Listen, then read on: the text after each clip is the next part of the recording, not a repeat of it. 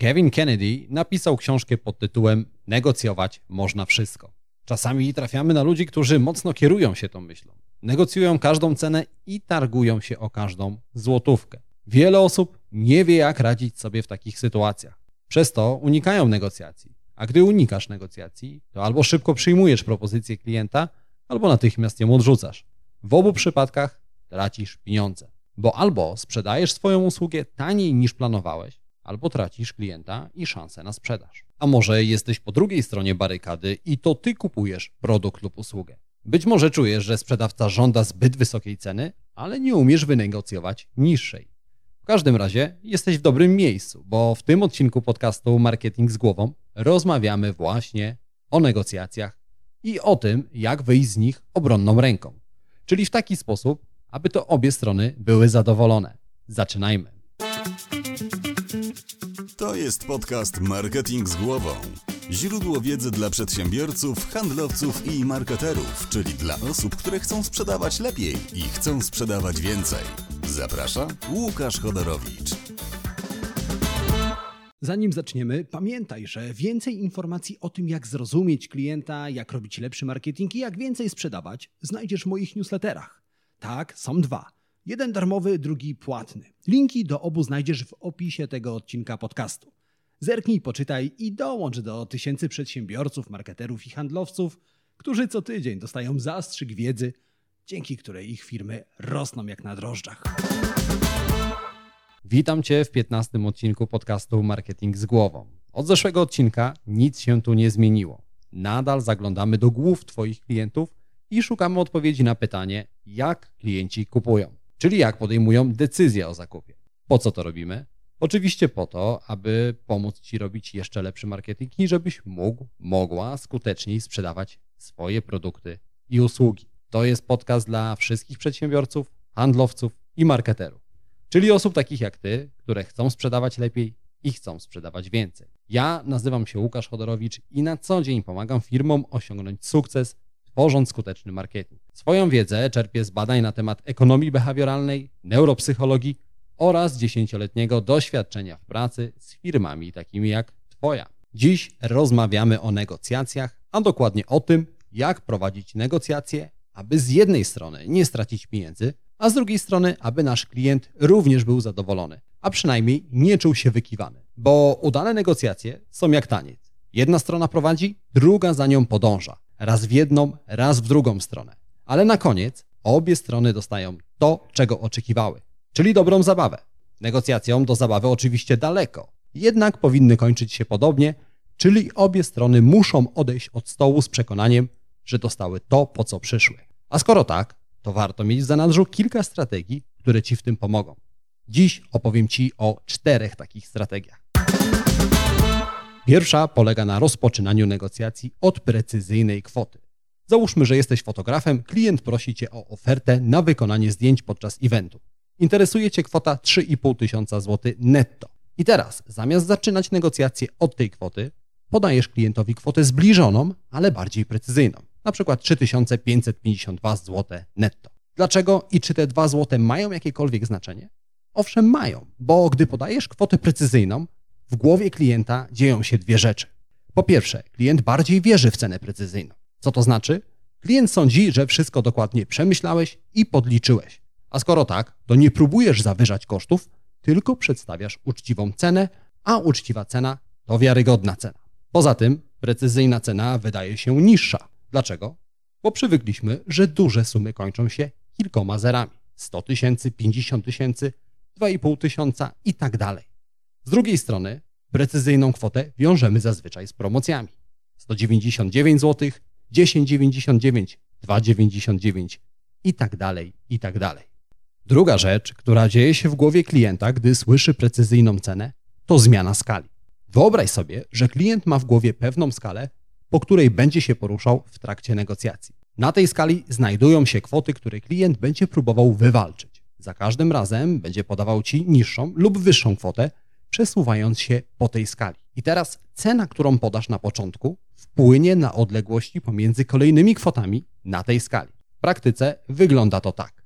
Wróćmy do przykładu z usługą robienia zdjęć i kwotą, którą chcesz otrzymać, czyli 3,5 tysiąca złotych netto. Jeśli zaczynasz od tej ceny, to po pierwsze wyznaczasz początek skali na 3,5 tysiąca złotych, a po drugie wyznaczasz kolejne przystanki, na których zatrzyma się klient podczas negocjacji. A ponieważ podałeś okrągłą kwotę, kolejne przystanki pojawią się również co kolejną okrągłą liczbę, czyli na przykład co 100 zł. A więc klient chcąc zbić cenę zaproponuje Ci kwotę 3400 zł albo 3300 zł i tak dalej, i tak dalej. Zawsze będzie poruszał się po skali przeskakując o kolejną okrągłą kwotę. I teraz uważaj. Jeżeli zaczynasz negocjacje od ceny precyzyjnej, na przykład 3552 zł, to zmniejszasz odległości pomiędzy kolejnymi przystankami. Tym razem klient porusza się po innej skali. Nie co 100 zł, ale na przykład co 50 zł, albo nawet mniej. W ten sposób negocjacje zakończą się na kwocie, która bardziej Cię zadowala, a klient poczuje, że coś tam wywalczył. A ponieważ podałeś kwotę precyzyjną, to prawdopodobne, że do negocjacji wcale nie dojdzie. Druga strategia nazywa się heurystyką afektu. Heurystyka afektu to skrzywienie poznawcze. W skrócie chodzi o to, że osoby w dobrym nastroju są bardziej skłonne przystać na Twoje propozycje. Przede wszystkim dlatego, że gdy dobry humor dopisuje, dostrzegamy tylko pozytywne strony naszych decyzji i bagatelizujemy ryzyko. Czyli to zjawisko idealnie pasuje do negocjacji. Oczywiście nie zawsze masz wpływ na samopoczucie osoby po drugiej stronie stołu negocjacyjnego, ale możesz przyjąć pewne założenia. Dobry humor na ogół dopisuje nam rano, im później, tym bardziej jesteśmy zmęczeni, rozkojarzeni, a w efekcie łatwiej nas rozdrażnić i zdenerwować. Dlatego lepiej planować negocjacje przed południem niż po południu. Z tego samego powodu piątek to dzień, w którym masz największe szanse przekonać klienta do swoich cen. No, ale na dłuższą metę zgadywanie humoru klienta może być trudne. Więc czy możesz w jakikolwiek inny sposób na samopoczucie klienta wpłynąć? Owszem, możesz. Pamiętaj, że drobny prezent czy komplement mogą zdziałać cuda. Oczywiście sztuka polega na tym, aby klient czy sprzedawca nie odczuł, że próbujesz nim manipulować. Dlatego taki prezent możesz wysłać kilka dni przed negocjacjami. Trzecia strategia nazywa się rzucaniem kotwicy. Załóżmy, że bierzesz udział w teleturnieju koło fortuny. Kręcisz kołem i koło zatrzymuje się na liczbie 65. Tyle możesz wygrać, jeśli poprawnie odpowiesz na dwa pytania. Pierwsze pytanie brzmi: czy w ONZ liczba krajów afrykańskich jest większa czy mniejsza od wylosowanej przed chwilą liczby? Zastanów się i sam odpowiedz sobie na to pytanie. Drugie pytanie brzmi: jaki procent wśród członków ONZ stanowią kraje afrykańskie? Masz to? Ok. I teraz na tak zadane pytanie większość osób, które wcześniej wylosowało 65, odpowiada, że kraje afrykańskie w ONZ stanowią około 45%. Na tym etapie ta odpowiedź, choć błędna, nie budzi zdziwienia. Możliwe, że sam odpowiedziałeś podobnie. Nie ma w tym nic zaskakującego. Zadziwiające jest jednak coś innego. Okazuje się, że osoby, którym koło zamiast 65 wskazało 10, odpowiadały na to pytanie całkowicie inaczej. Średnio szacowały, że kraje afrykańskie stanowią zaledwie 20% członków ONZ. Jak wytłumaczyć tą różnicę? Określając jakąś wartość, przyjmujemy pewien punkt wyjścia. Wiemy na przykład, że średnia temperatura w Miami to na pewno mniej niż 40 stopni, ale z pewnością więcej niż 20.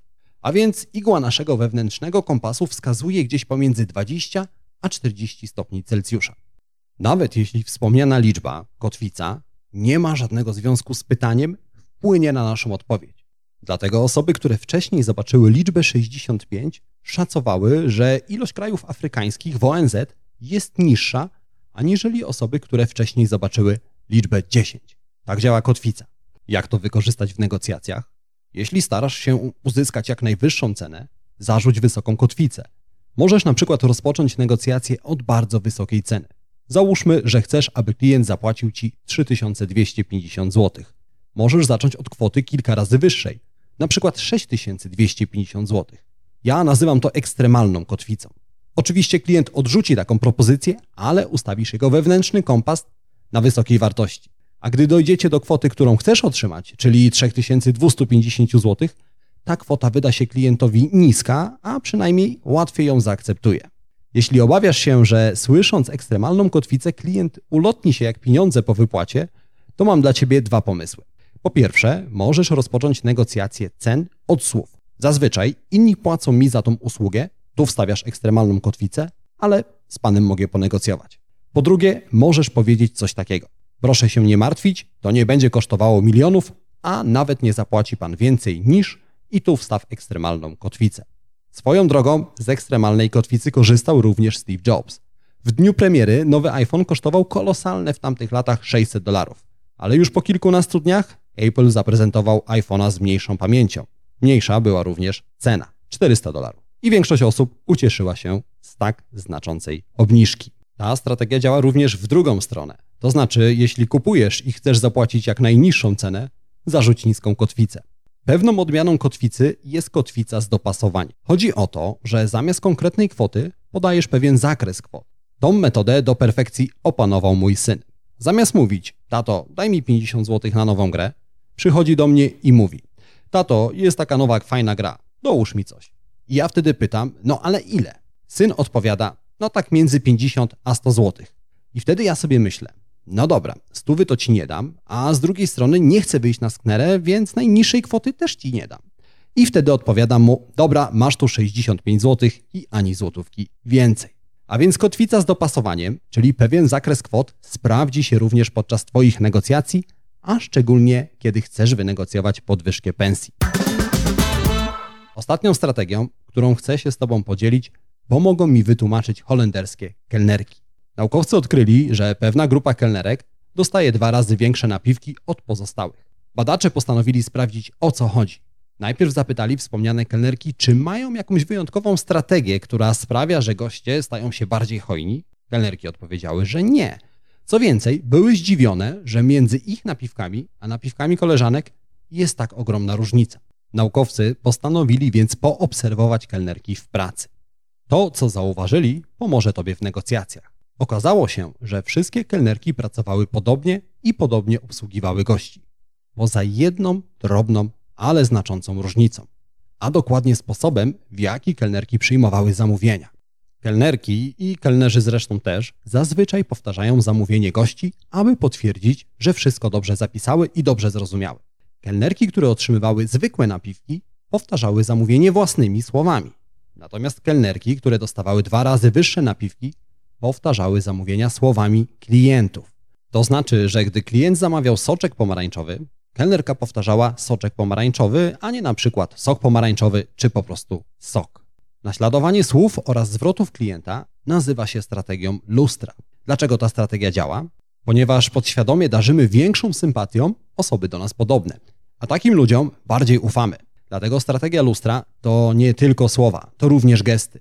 Oczywiście nie chodzi tu o tak zwane małpowanie, ale o subtelne odbijanie zachowań i gestów osoby po drugiej stronie stołu negocjacyjnego. To znaczy, jeśli klient zakłada prawą nogę na lewą, ty robisz to samo, ale odwrotnie. Zakładasz lewą nogę na prawą.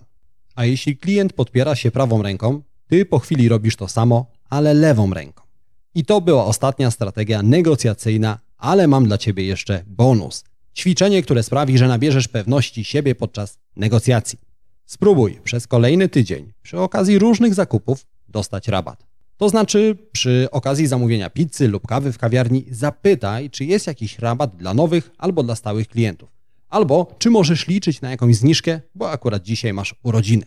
Zrób sobie taki eksperyment. Na koniec zdarzą się dwie rzeczy. Po pierwsze, poczujesz się pewniej siebie, a po drugie, zaskoczy cię, jak często ludzie zgadzają się udzielić ci niewielki rabat.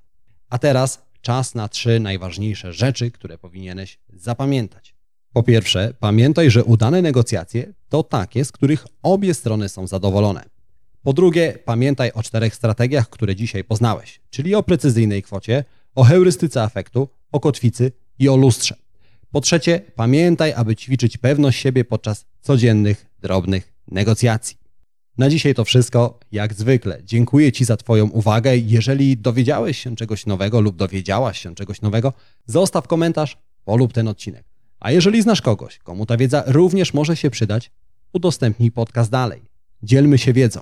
A my jak zwykle słyszymy lub widzimy się, jeżeli oglądasz, za kilka dni w kolejnym odcinku podcastu Marketing z głową. Do usłyszenia. A póki co życzę Ci udanego dnia, udanego tygodnia. Na razie. Cześć.